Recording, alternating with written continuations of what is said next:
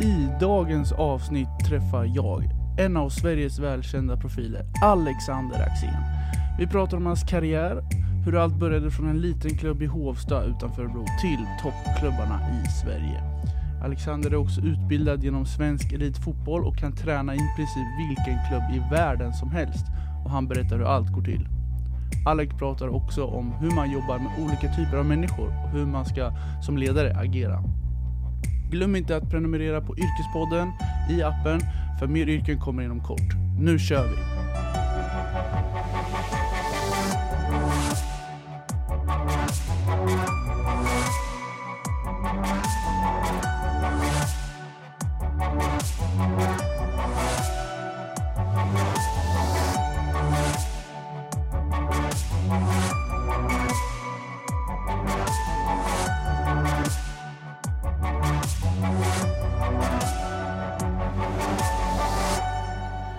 Sådär, välkomna till Yrkespodden alla lyssnare.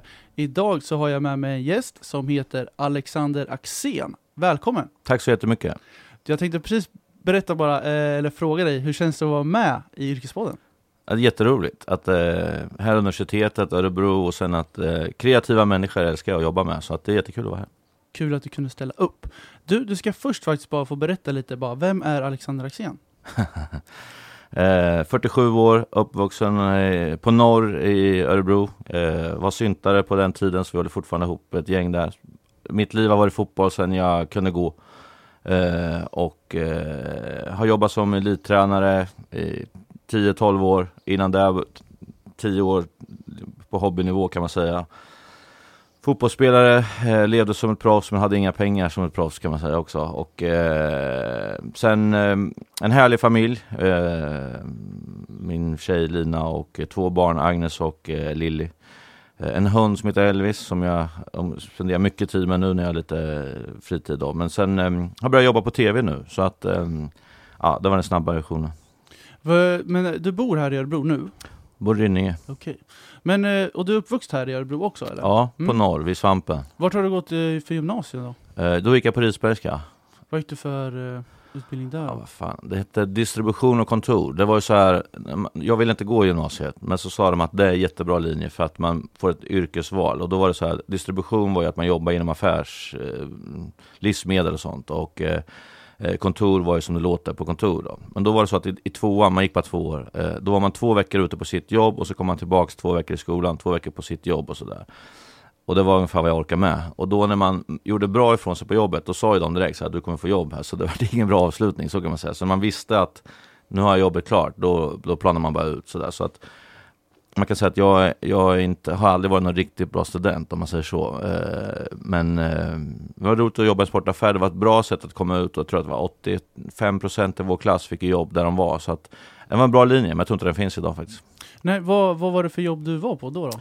En sportaffär som låg på Stortorget som hette Sporthandlarna. Det var liksom, de var jätteduktiga på skidor och eh, cyklar och lite sådana här saker. Och jag, eh, jag har aldrig åkt skidor men jag har nog sålt 500 par liksom och, och berätta hur, vilket brätte du ska ha för det, den här åkningen du gör och hur pass jäkla bra det är liksom. Så ibland skämdes man nästan. Men de flesta var nöjda och kom tillbaka och tyckte att det var kul sådär. Så att, eh, och då var det lite så att jag ville öppna sportaffär, det var min dröm liksom. Eh, och så skulle man köpa sådana här Adidas shorts på den tiden. Det var så här dubbelfärgat och det var sådana här linjer, ni kanske inte kommer ihåg det, men det var det var liksom fränaste man kunde ha. Och då när jag började tänka på att jag skulle öppna en och sådär, så det där ska jag bli bra på. Då när jag hörde av mig till Adidas, då fick man köpa in dem för typ 129. Och samtidigt på andra sidan gatan låg en Intersportaffär som sålde dem för 119. Så då kände jag så här att mm. okej, okay, det här kanske inte blir någonting då. Eh, så då tappade jag lite intresset för det. Men sportaffär hade varit, det liksom var min dröm på den tiden. Men hur gammal var du då när du jobbade där? 18 till jag ryckte in i lumpen, då var det runt 20-21. Eh, och sen så kom jag tillbaks där, då hade han sålt och då eh, Björn Olsson heter han, då hade han öppnat en cykelaffär i Haga så då var jag där ett år typ innan jag eh, gick vidare till andra saker. Ja, eh, jag tänkte precis kolla med dig, hur kom du in på fotbollen? Har du alltid varit fotbollsintresserad eller hur kom du in på det spåret? Ja, det har varit mitt liv sen jag, jag vet inte, kommer inte ihåg något annat. Liksom, det var bara det som gällde. Och när jag gick i skolan så, jag var alltid i skolan men jag tyckte inte det var så kul. Och eh, jag längtade bara till rasterna. och taktiken vi skulle använda för att slå andra laget och sådana saker. Så det har alltid varit fotboll. Och mina tre, jag hade, min pappa har tre farbröder och de spelade fotboll och farsan hade en, en sjukdom som polio så han kunde inte gå och röra sig så bra så han kunde inte spela då. Men de spelade ett lag som hette Eldtomta som sen de bröts ur och skapade Mariebergs IK som är där idag. Och eh, på den tiden var Ipswich stora, Ipswich Town i England. Och då hade de en häst som eh, klubbmärke. Och i och med att det var Marieberg så tog de den och vände på den och vred lite och grejer. Så att det är mina farbröder som är delaktiga i det där. Och, mm. och de tränade på ett ställe som hette Ballongtältet vid Örnsro. Som för mig var en fullstor plan, men som jag nu har fått hört att den var ungefär 40 gånger 20, 40 gånger 30. Men för min uppfattning var att den var gigantisk då. Eh, så varje lördag morgon klockan sju så åkte de iväg och då, jag var alltid jättetrött men lördag klockan typ kvart, kvart i sju när jag hörde min farbror starta bilen då bara rusade jag typ så. så att, det har alltid varit fotboll liksom och eh, det var min dröm liksom att, att få jobba med fotboll. Kanske inte så mycket som spelare egentligen, jag var rätt slö som spelare men jag märkte liksom ledarbiten, när jag kom in, jag träffade en fantastisk, eh, min mentor Benny Lennartsson, då, då bestämde jag bara att jag ska bli tränare liksom. Men eh, du började i alla fall att spela fotboll först. Och sen, när började du komma in på det här som du sa nu, att du, det var tränarrollen som var liksom din grej? Det var nog runt 92, när jag träffade Benny Larsson för första gången. Eh, slutet av 92, början av 93 jag hatar GH, alltså det kanske man inte ska säga, den här byggnaden. men det, det, det, är liksom det värsta jag vet, när alla ska vara samma, alla ska mm. göra samma och så här. Därför har skolans värld inte heller varit min, min värld. Därför att man får inte göra något annorlunda, man får inte sticka ut, man ska liksom inte tro att man är någonting. Och, man så här. och alla tränare var GH. Så jag hade jättesvårt med just de bitarna. Inte så att jag liksom ogillade mina andra tränare, men det var liksom så skulle alltid vara så fyrkantigt. Så. Sen, sen möter jag den här, som är GH-tränare, men är helt annan och, och gjorde grejer som jag liksom bara, det bara matchade in liksom. Så det var liksom som en uppenbarelse att träffa honom. Det var helt sjukt. Och eh, det gjorde på något sätt att jag fick en, eh, jag, eh, ett sug att bli tränare, men också att jag kunde få vara som jag är. Eh, och inte behöva vara som någon, någon, annan förväntade sig hela tiden. Och det gjorde att jag fick upp ögonen för det här yrket och eh, framförallt att jag kunde vara mig själv. Liksom. Men hur började allt som fotbollstränare? Du, du, liksom, du gick ju inte in i Gais A-lag direkt, liksom. hur började allt? Ja, det började egentligen med att jag, att jag slutade spela mm. och han var jättearg liksom att du måste spela. Och Vad spelade du för position förresten? Högerback. högerback. Det var ju liksom det näst sämsta på den tiden. Vänsterback var ju värdelös och sen var det högerback. Men jag märkte att det var jävligt kul. Man fick mycket boll och man kunde slå passningar och så, och det passade mig. Och jag var rätt slö som sagt, så att det stod ganska bra där. Men så märkte jag så att fan, om jag tar ett steg åt sidan då kan jag vara tränare istället för att springa omkring här liksom. Så då började jag fundera på det. Men han var så här het att jag skulle spela och då, då gömde jag mig under två, tre månader. Och han ringde liksom på sådana telefonsvarare fanns det på den tiden hemma, så man kom hem så kunde det blinka så här 17 gånger. Så hoppas man att det var tjejer liksom, så tyckte man svara han hela tiden. Så olika temperament, så här, jättearg, sen fattade han att jag måste vara lugn, annars kommer jag inte ringa och sådana saker. Eh, och då gömde han sig en gång. Eh, jag bodde på Drottninggatan mitt mot Krämaren vid den här videoaffären. Mm. Då gömde han sig där inne, så när jag kom, då sprang han bara fram så här, vad fan har du varit? Typ, så där. Och då lovade jag han att spela ett halvår om jag fick vara B-lagstränare då, coacha B-laget. Liksom. Och då tänkte jag, det kommer han ju aldrig säga ja till, för att jag spelar ju A-laget, men jag kan ju också vara avbytare ibland. Ska jag coacha mig själv och sådana här saker. Men då sa han, det är okej. Okay. Uh, och då, då coachade jag där och då fick jag liksom starten för att jag tyckte att det var jäkligt roligt och jag fick göra det på mitt sätt och alla de här sakerna. Så då fick jag en sån här att jag ska bli fotbollstränare. Då hade jag massa olika anbud från olika lag. Uh, Hur gammal var du då ungefär? Ja, måste ha varit 25, 26 någonstans där. Okay. Och då, 27 kanske.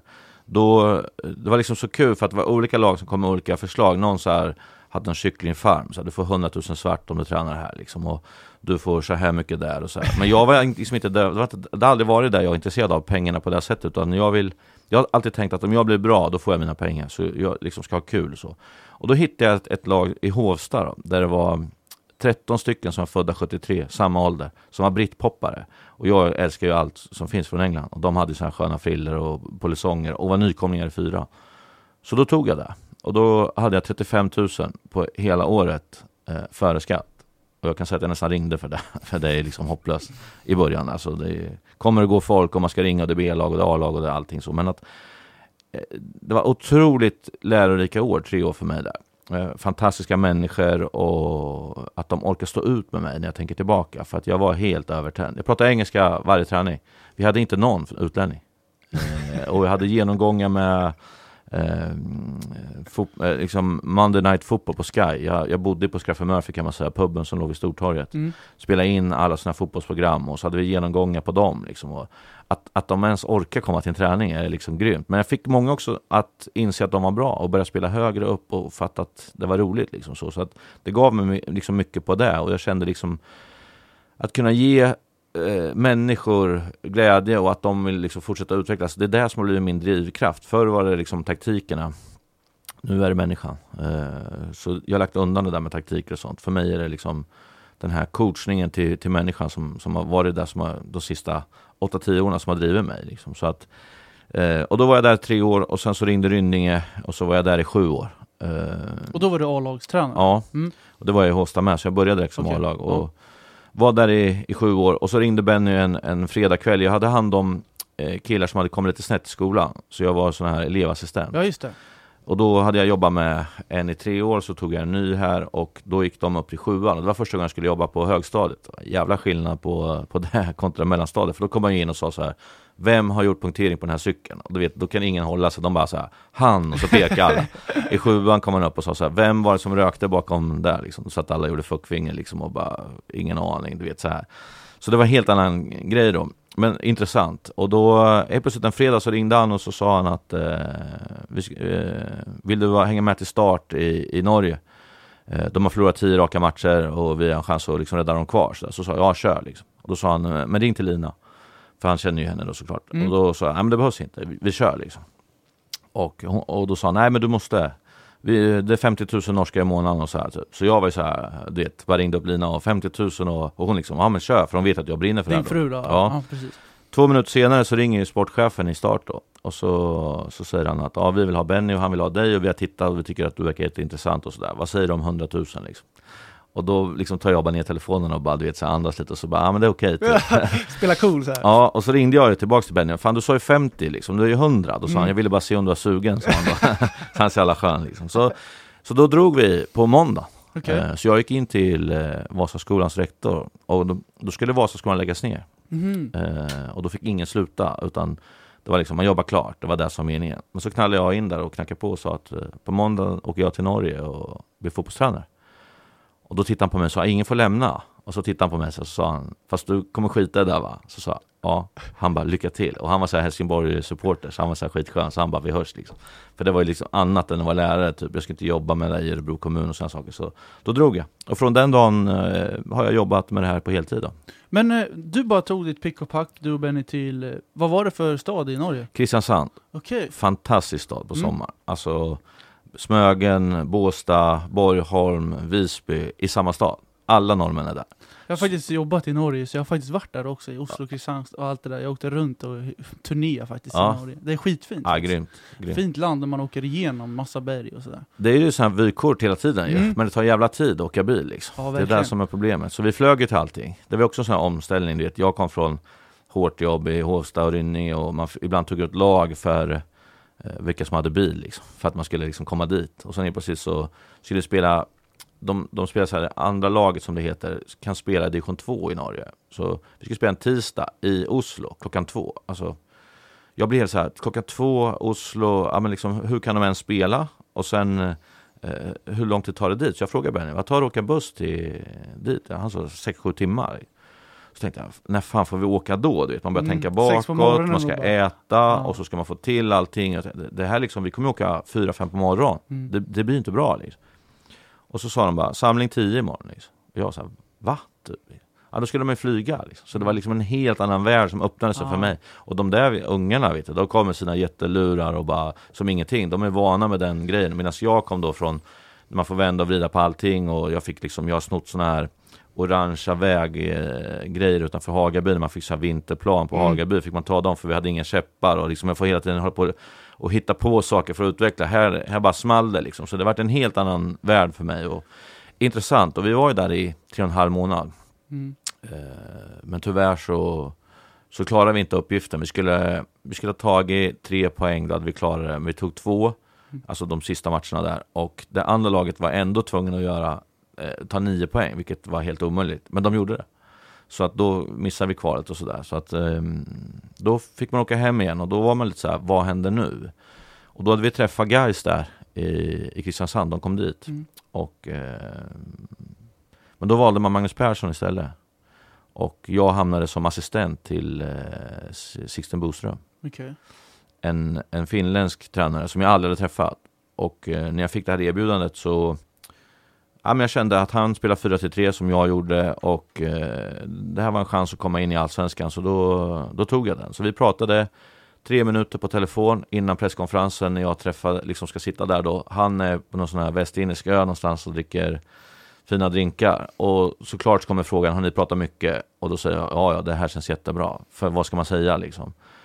Eh, men det vart en perfekt match. Eh, vi hade jättekul ihop, vi jobbade stenhårt och Eh, vi hade perioder när det var riktigt dåligt och så vände det upp till bra. Då, så att vi kom sjua tror jag första året och vi kände väl att det här kommer bli jävligt bra. Men då ringde guys igen eh, och frågade om, om, om jag ville ta det. Och då var jag liksom i det här valet och kvalet att eh, om jag inte tar det nu, kommer jag någonsin få en, en chans till allsvenskan?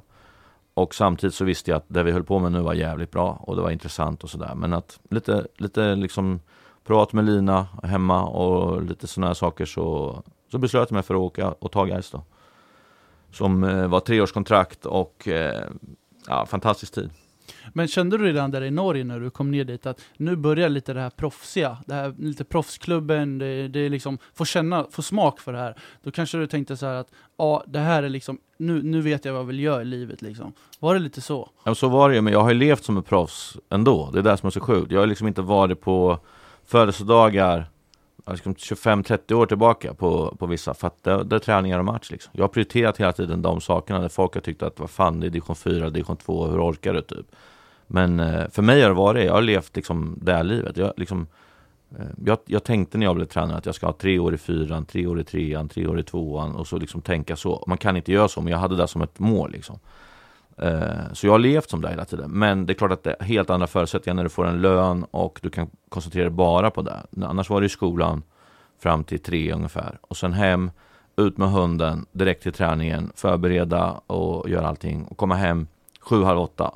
Då har jag liksom åkt kvart över sju på morgonen. Så jag är liksom, var ju borta hur mycket som helst om man tänker så. För det lilla man gjorde, eller liksom, men som var viktigt för mig då. Så man måste ha en otroligt bra person man lever med och det har jag haft tur att, ha då. Så sen när det liksom ger mig tiderna som, som du säger, att kunna få leva på det här professionellt och man Mm. tränar på dagarna och sådär så det är jättemycket tid jag är borta såklart men jag kan också komma hem tidigt på dagarna med om jag planerar på ett bra sätt. För jag kan ju tänka mig så här att majoriteten av fotbollstränare eller tränare överlag kanske inte kan livnära sig på det. Det är ju jättemånga som inte kan det och gör det ideellt och liksom bara för, för, för, för skojs skull, de brinner för det. Och det är ju fantastiskt, men att livnära sig på det, liksom, hur, hur känns det liksom? Och det är många som inte förstår när man liksom frågar vad gör du? Jag jobbar med fotboll. Så här, ja, men vad jobbar du med? Liksom, sa de då. Ja, men jag är fotbollstränare. Mm. Ja, fast du har väl ett vanligt jobb, sa de då. Ja, det är inte ett vanligt jobb att vara fotbollstränare, men det är mitt jobb. Och det är ju 16 lag i Allsvenskan och 16 lag i, i Superettan där man lever på det. Alltså där man vet att det, är, att det är så. Så det är 32 jobb som alla vill ha. Sen har du assistenter såklart, men alltså som är huvudtränare. Sen finns det väl kanske någon som satsar i division 1, division 2 som kanske kan ha någon form av eh, heltid, men det är inte mycket pengar då, men att man kanske, det enda man gör ändå. Och kanske att man får sälja du vet, reklam för att få in lite pengar till sig själv och sådana saker. Men att det är 32 som slåss om de här jobben. Liksom. Men när, när man blir fotbollstränare, jag tänker typ så här, behöver man typ någon licens, gå någon kurs? Det, hur funkar det att bli tränare? Så var det inte förut, men så är det jätteviktigt nu. Man måste gå utbildningar för att få högsta utbildning. Så jag har liksom Vad är det för typ av utbildning? Ja, det heter Pro License då. Det betyder att jag har den högsta utbildning man kan ha som tränare, eh, så jag kan jobba i hela världen. Eh, och, och det är också för att man ska stärka det här yrket så att man inte kan liksom vara en bra spelare som det bara kommer in i bakdörren och så eh, tror man att den ska vara en bra tränare. Utan man måste gå utbildningar för att eh, eh för att lära sig det här yrket. Och det är liksom det är ledarskap, det är fysiologi, det är ju liksom det är taktiker, det är ju allt liksom. Så att eh, man kan säga så här att när jag började vara tränare, mitt första jobb i Hovsta, då kunde jag allt. Jag, liksom, ingen kan berätta för mig hur man ska träna och spela, jag vet allt. Idag vet jag att jag kan ingenting. Alltså, ju äldre jag blir, desto mer fattig att jag inte kan. Men då kunde jag allt. Så det är viktigt att gå de här sakerna. Och det är framförallt viktigt att träffa andra tränare. Där man kan prata jättemycket om olika saker. Så jag gick den första Advance, som om man gamla tider, då, då liksom steg fyra var det högsta hette det, och då var det här steg tre. Men nu, nu heter det Advance och sen det finns liksom bas och det finns liksom de här bitarna och nu heter det Advanced och det där trean. Den första Advanced som gick, den gick jag. Och där har jag liksom fortfarande kontakt med en 6-8 stycken. Vi var 24 som gick den. Och sen så när man har gått den så är man tvungen att gå prov för att få vara tränare i Allsvenskan. Så då gick man liksom förtur i och med att vi var i Allsvenskan som tränare. Och då gick man den. Och det tar två år. Eh, kostar 120 000. Eh, och, och, det betyder egentligen ingenting. Det är, det är som, som för er, och liksom, man lägger ner mycket pengar och sen så säger de att ah, ingen vill ha det. Men kan alla köpa den här uh, utbildningen?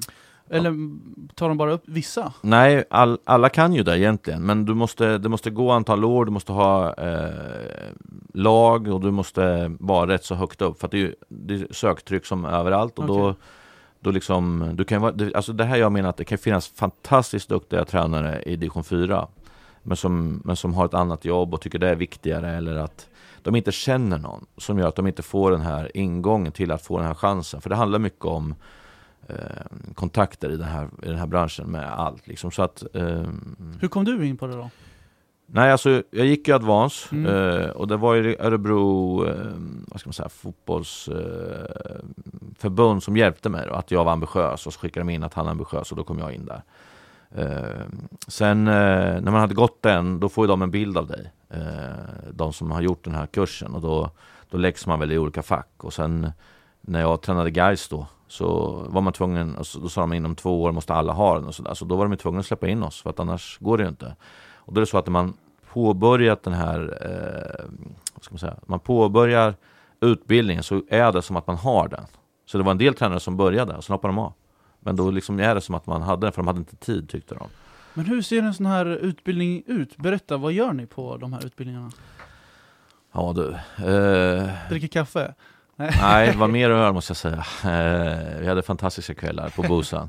Eh, vi, man, man, kommer dit, man är 12 stycken, man presenterar sig. Eh, oftast visste man vilka det var, men, men man visste vilka det var, man kände inte. Och så går man igenom det här vanliga, vem är du, vad har du gjort och sådana saker. Och sen så sen börjar man prata om olika sorters, liksom olika fack, ledarskap, eh, taktiker, fysiologi var jättestort i, i den här. Eh, man skulle lära sig ursprung och fästen med muskler så man vet vad man ska träna, hur man ska träna styrketräning, när man ska träna styrketräning, varför man ska träna styrketräning och sådana saker. Och kostrådgivning och det är massa sådana saker som eh, som man är halvbra på men som man måste bli jäk jäkligt bra på. Då. Och så har man ju då tentor eh, som man ska liksom ja, det är klara av. Alltså. Ja, ja. Ah, okay, häftigt. Eh, och det blev bara, ja fy fan, det vart bara svårare och svårare så man var helt knäckt alltså. Så, ja. Och jag är ingen, jag har ju berättat det, jag har ingen läshuvud liksom. Och jag visste inte hur jag skulle göra. Så Jan Andersson som är förbundskapten idag, han jobbade i Örgryte när jag började och han hade gått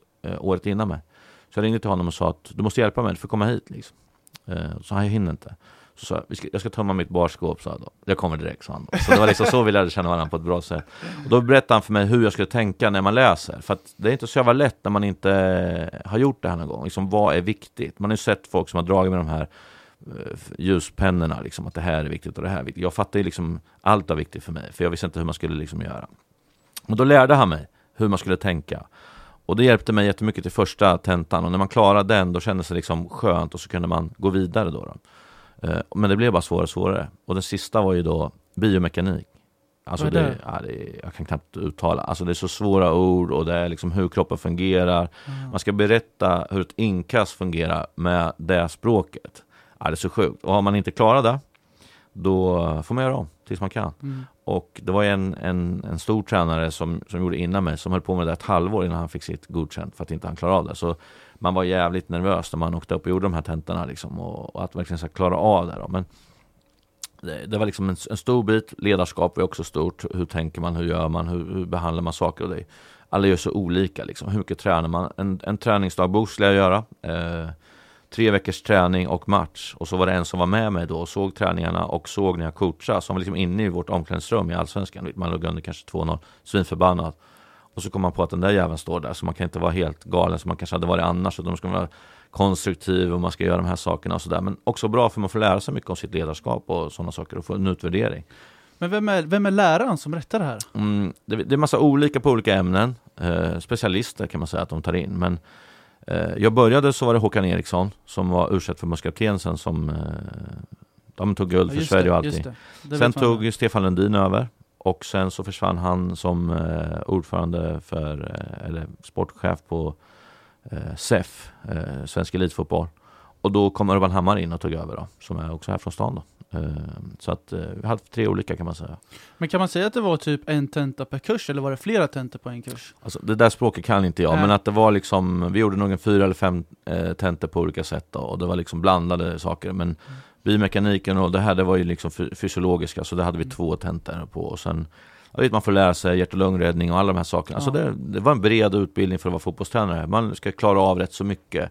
Sen, sen är det ju så när man är tränare på den här nivån, att jag har ju specialister på det här. Jag har ju en fystränare, jag har ju målvaktstränare, jag har ju eh, kiropraktor, jag har, ju, alltså jag har ju alla de här grejerna. Men det är bra att jag kan ändå vara med och påverka dem då, i och med att jag måste ta det ansvaret. För att om jag om min fystränare är värdelös, då kan inte jag peka på han och säga det är han som är dålig, för det är jag som ansvarar. Så jag måste ändå veta vad han gör och hur han gör det, på vilket sätt, och så kan vi diskutera. Så det var bra tycker jag, att man fick den genomgången. Men, men under, under perioder så kände man, bara, vad är det här liksom? Fan, ge mig en boll så går jag ut och kör liksom. Och det var samma, man skulle ju göra övningar. Och då hade vi så här övningstrupper, det kom så här skolor, klasser som kom. Och så skulle de göra liksom fem olika, sex olika blir det, för vi var ju tolv. Eh, Sex olika övningar på två timmar. De var helt slut. Och så kanske du skulle göra sista. Och ska göra omställning, så här, snabba ruscher, längre ytor. De var helt slut. Liksom. Så här, tjejer och killar som var 14-15 år. Liksom. Ska du göra den här övningen? Och så märker jag att det kommer, inte- det kommer inte gå. Liksom. De är helt slut. Och då kommer din rutin in. Då börjar du liksom kanske korta planen eller du börjar göra de här sakerna. Och där märkte man ju eh, att det här var proffstränare. För att Eh, Eh, där kunde man läsa av, så de var liksom glada. Istället för att man bara Nu ska ni göra den här övningen, så funkar inte den. Och så står man och skriker att, de, att det är de, deras fel. Utan då får man försöka göra att det blir bra. Så göra en spelvändning kanske att En tjej som inte hade jättebra tillslag Det är svårt att lära där på, på fem minuter ja, men Då kortar man planen istället Så, så liksom vi ah, kolla vad duktig du är typ Och peppa henne, och då fick hon självförtroende Så kunde man liksom flytta ut det där efter ett tag liksom. Eller någon kille som tyckte han kunde allting och så sprang han fel och så fick man liksom ta ner honom och så här börja om. Så att det var lärorikt. När du är inne på det här, när du pratar om att du hade en målvaktstränare, du har en fystränare. Jag känner bara att någonting som bara strålar om dig är ju en ledarroll. Har du alltid känt att ledarrollen passar dig? Nej, det tror jag inte. Som spelare, som jag sa, ganska, ganska slö. Eh, tog, liksom levde kanske inte som man ska. Eh, var ingen föredöme på det sättet. Men hatade att förlora. Och på planen kunde jag göra vad som helst för att vinna. Så det, det liksom, Röda kortet kom upp någon gång? Det har, det har hänt. Och då, på det sättet kanske jag var liksom en, en drivkraft för många. Att jag peppade dem för att jag ville vinna så jäkla mycket. Men, men inte förebild på hur man lever, så kan man säga. Men, men just för att vinna matchen och vad som krävdes, och så här, då kunde jag göra vad som helst. Sen helt plötsligt när man blir ledare, då börjar man eh, tänka att det, det alltså, Kändes det att du trivdes i det? Ja, liksom? absolut. För att då, då kom jag liksom på så här att alla, alla i Sverige säger att jag kan jobba med idioterna. Eh, det är för att de, det jag egentligen jobbar med är ju mig själv. Alltså om ni förstår vad jag menar. Så det här GH, att alla ska göra samma sådär, det där hatar jag. Så jag liksom brukar säga att jag är, jag är bäst på att vara orättvis. Alltså, jag, jag kan förklara varför du får göra så här och han får göra så här. Eh, utan att det känns som att det blir jättejobbigt. Men om man, om man lever med att alla ska göra samma hela tiden, då blir det orättvist tycker jag. För att om man är 36 år och tvåbarnsfarsa som du är nu i det här läget och så, så eh, ska din kompis här nu, han är 17 år och, och bara vill liksom till Barcelona.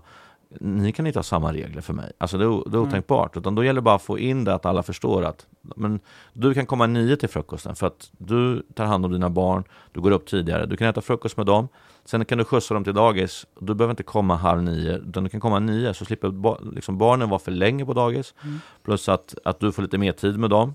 Medan du som är 17 år kommer komma med kudden i ansiktet och vara jättetrött, oavsett om du får komma åtta, halv nio, nio, halv tio eller tio, för du kommer sova ända dit du ska. Mm. Och så nej, du är här halv nio, du ska äta frukost, komma igång, du måste komma upp då. Och då blir det här orättvisa, liksom, att varför får han och varför får inte jag? Och då brukar jag säga, ja men då skiter vi i det, då kör vi samma för alla, Ja. sju till fyra och sen kör vi liksom. Mm. Och då helt plötsligt känner de ju, nej, eh, vi, det går bra liksom. Så Mm. man måste vara bra på att förklara varför man tycker olika så. Och då, då, då liksom, mitt viktigaste är att lära känna personen. Därifrån kan vi börja jobba som fotbollsspelare. För att jag hävdar att det är lite sent att börja lära folk bredsidor när de är i Allsvenskan. De är ganska bra liksom. sen, sen kan man fortfarande göra det, för att eh, det måste man. Alltså du, du ska veta vilka, vilka svackor det finns hos folk, det man inte tror. Men att de har andra egenskaper som har tagit dem dit och sådär. Men, men just när man lär känna människan, för därifrån kan vi gå vidare. Vad vill du? Vad är, ditt, vad är din drivkraft? Vad tycker du om att göra? Hur, hur kan jag pressa dig så att det blir bättre? Eh, vart ska jag trycka? När ska jag trycka? Hur ska jag trycka? Sådana saker. Och då, då måste man lägga ner jävla mycket tid för att lära känna dem. Och utländska spelare som jag jobbar väldigt mycket med, speciellt i Gais, vi hade ett och 17 olika nationaliteter. Då får du ju ta i från tårna varje dag kan man Men det säga. är ju så olika kulturer också. Det blir Allting. ju kulturkrock och bara, hur, All- hur tacklar du det? Ja, de, jag måste lära mig om varje kultur. Och du vet, slarvigt så säger man idag, du vet afrikaner. Och så säger alla tränare, ja. Men jag har haft liksom nordafrikaner, eh, jag har haft västkust, jag har haft central, jag har haft syd. Det är jättemycket olika. Det är ju som man säger så här, du vet europeer. Det är liksom, vem Ja, i. Europa liksom är, Mm. liksom är lika? En engelsman kontra en fransman, det är inte så likt om Nej. man säger. Eh, och det går inte så här, du vet europeer, det går ju där om du generellt hur man tänker att den ser ut och den normalt liksom en, en, en med, medial tanke kanske, men det är inte så. För att alla är olika också i det här. Så att då måste jag lära känna allting och, och älska liksom eh, utmaningen i det. Att, eh, hur gör man? Liksom, afrikaner har ofta en, ett, en hierarki, vem som är etta och sen så kommer det bakom. Det behöver inte alltid vara den som spelar mest, utan det kan vara andra saker som gör att det blir så. Hur man slår sönder den, hur man får alla liksom, att vara delaktiga och sådana saker, utan att man bryter någonting som gör att de mår dåligt. Jag kan inte skälla på en brasilianare ute på träningsfältet. Det går inte. Då faller han ihop helt och hållet. Men om jag tar in honom i ett sånt här litet rum och skriker och kastar grejer och säger att han skämmer ut mig och han och allt, då säger han liksom förlåt och sen imorgon kör han som fan. Så liksom alla de här sakerna måste du lära känna dem för att det ska vara dem. Engelsman som jag hade så, så, så alltid han var tjock och lat och så här. Då började han springa som en idiot på träning och tackla alla. Då var träningen skitbra. Så det gällde att hitta vad man skulle trycka på och sätta igång för att det skulle bli bra träningar. Men det är det som det är där jag brinner för. Istället för att sitta och prata spelsystem i 18 timmar så ingen jävel bryr sig. Då vill jag liksom fråga, hur mår du och vad gör du? Och så jätteofta suttit i, liksom i bastun och eh, hitta eh, egenskaper kan prata med varandra. Men skapa typ en relation liksom. Ja, det är jätteviktigt för mig. För att, Varenda spelare liksom. Ja. Mm, mm. och eh, Astrid Adarovic sa en gång, kanske det finaste jag har hört någonsin, att eh, han sa så här, jag tror att våran bänk är den gladaste bänken i Allsvenskan. Och det blir jag jätteglad för, för att ingen vill sitta på bänken, men Förstår. om jag har varit duktig och förklara för dem varför de sitter där och så vidare, och att de känner att ändå att jag bryr mig om dem, som är mitt mål ju, eh, och de kan acceptera det, då, då har vi kommit långt. Och då är liksom, det är där jag vill att alla ska känna att de utvecklas, både som människa och spelare, Eh, men de ska liksom känna att, att jag bryr mig verkligen om dem. Och därför har inte jag så mycket sådana här samtal, det inbokade 15 minuter innan säsong, 15 i sommar, 15 efter. Jag försöker köra varje dag med så många som möjligt. Eh, och det kostar på. Alltså, man blir jävligt sliten av det, men det är det som driver mig. Och därför kan jag lämna mycket till min assisterande, att det, den får, får liksom driva många träningar. För att jag måste ha energin att bidra med till människorna. Det kanske var lite det också, för jag, det enda jag får tänka på nu det är när du lämnade ÖSK och du lämnade ganska snabbt. För att du kände kanske att där i truppen att det blev lite skakigt. Eller var det inte den känslan att folk liksom, Åh, jag vill ju ha kvar han såklart. Tänkte säkert spelarna. Men, och du tänkte så här, nej, jag måste avgå direkt annars kan det bli eh, struligt. framförallt struligt för Axel som skulle ta över, som Ja. var min assistent, att gå bakom mig och så säger jag så här, idag ska vi göra så här. Och så Mm. tänker alla, är det Axel som säger det nu eller är det jag? Mm. Om jag vill vara ledig i december, ska jag fråga Axel då för han ska ta över sen, eller ska jag fråga mig? Alltså Ja. bara det var en svår grej. Men också såklart så ser jag på spelarna. Eh, och det var ju, det tömde energi. Alltså de här två matcherna som jag gjorde på slutet som var helt idiotiskt, men jag var tvungen. Eh, Karlstad borta och Sundsvall, det är ju bland de sämsta fotbollsmatcher man har sett någonsin. Vi klar, lyckades klara oss och slå Karlstad, så vi hamnade i den här kuppen och de har gjort det ganska bra där nu till kvartsfinal då mot AIK. Men Mm. Eh, Sundsvall borta är ju en eländig tillställning eh, för, för alla egentligen.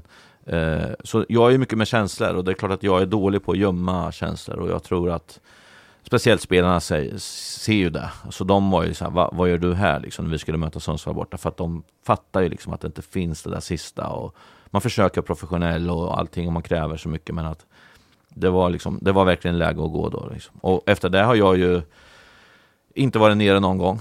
Eh, jag har inte eh, pratat med dem alls utan försöker bryta helt för att de bara ska få fokusera på det som är nu då. Så det jag har gjort är att jag börjar hänga på hockeyträningarna.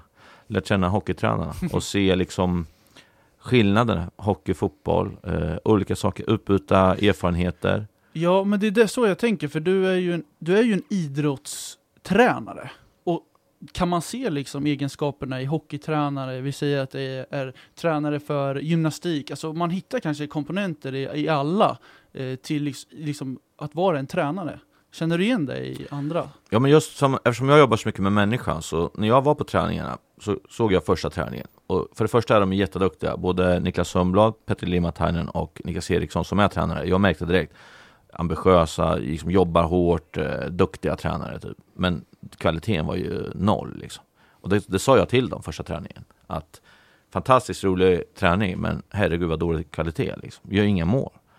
Och då sa de liksom att det är inte fotboll alltid, man gör inte mål hela tiden. Nej men skjuter mitt i magen på målvakten, hur fan ska det kunna bli mål liksom?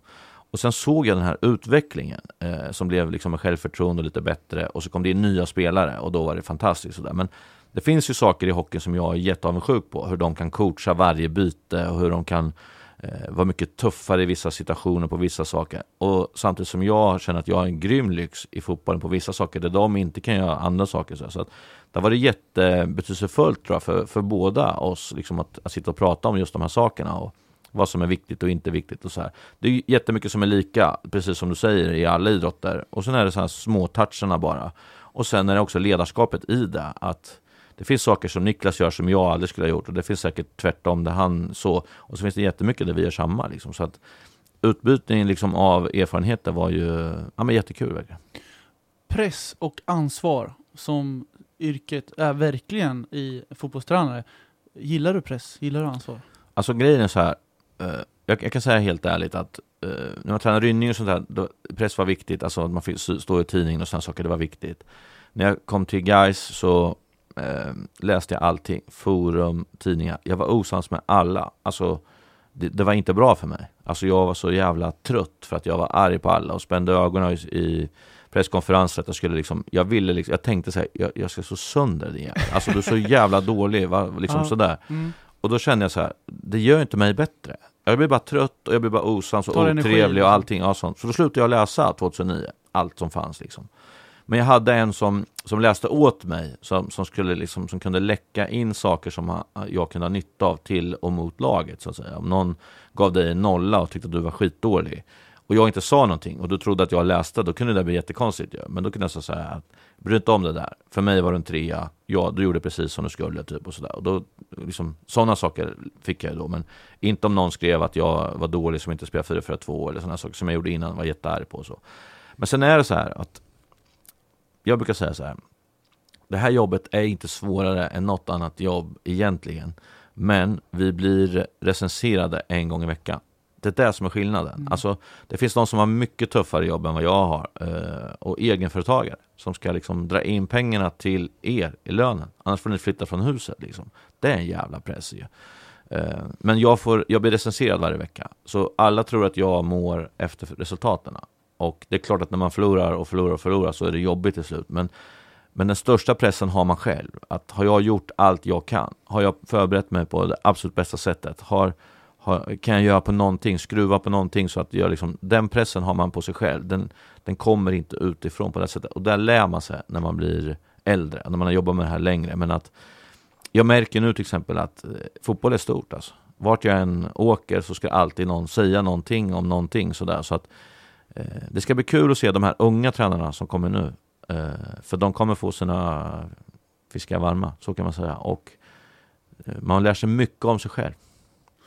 Du, vi ska faktiskt ta och eh, knyta ihop den här säcken. Vi har pratat eh, ungefär 40 minuter nu, så eh, du ska faktiskt få ge, som alla andra som har varit med i den här podden, Yrkespodden då, eh, att du ska få ge tre tips. Och då ska du tänka, de här tipsen ska vara till en framtida tränare. Det behöver inte vara fotbollstränare, utan det ska vara en tränare i vad som helst. Coach i vad som helst. Så om du börjar med tips ett, vad ska den tänka på? Att man ska vara nyfiken. Man ska, man ska vilja lära sig hela tiden. Man ska eh, inte vara rädd för att bryta in olika idrotter. Man ska inte vara rädd för att tänka eh, nya banor. Eh, om du går efter någon så kommer du komma fram till dens arsel. Det är så det är liksom. Så någonstans måste du göra dina egna saker. Men framförallt vara nyfiken och eh, mm, gå din egen väg. Liksom. Så, så känner jag. Det är viktigt. Tips nummer två. Eh, det är att, att gå utbildningar. Eh, skaffa eh, kontaktnät. Eh, byta erfarenheter. Eh, och, och liksom hänga med i svängen så att säga. Eh, sen behöver man inte hålla med om något, men att gå på sådana här utbildningar och föreläsningar och sånt kan stärka dig istället. Att att det där är helt fel, men då har det ändå stärkt dig. Så att eh, utbildningar eh, och skaffa erf alltså erfarenheter mm. genom att du lär känna folk. För att du kommer ingenstans inom något yrke utan eh, ett kontaktnät. Och ett sista avslutande tips då? Eh, Ja, liksom vad ska det vara? Egentligen att, att man ska ha roligt. Liksom. Ja. Alltså, du måste ha glädje i det där du gör. För att tvekar du på det, då kommer du aldrig lyckas med de andra två heller. Utan du måste liksom ha glädjen. Och sen, det är lätt för mig att säga nu som har tjänat, eller liksom har haft, jobbat upp en hög lön, men det var aldrig min drivkraft. Eh, utan det var hela tiden att, att hur bra kan jag bli?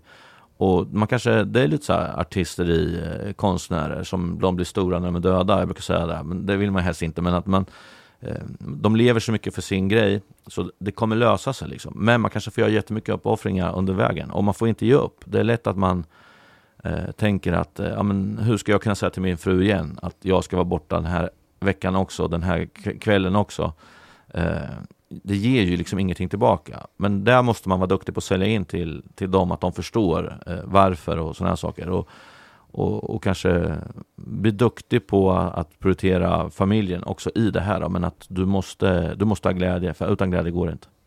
Tre superbra tips av Alexander Axén. Tusen tack att du ville vara med på Yrkespodden. Kul att jag fick vara med. Då säger vi hej då.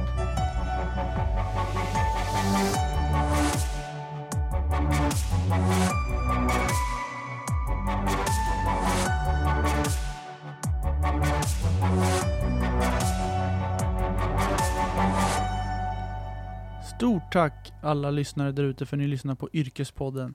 Jag skulle bli väldigt glad om ni ville gå in och prenumerera på min kanal Yrkespodden i appen samt ge betyg. Det skulle jag uppskatta stort. Och återigen, stort tack till min högra hand, Carl Bergholtz, som är min ljudtekniker. Tack!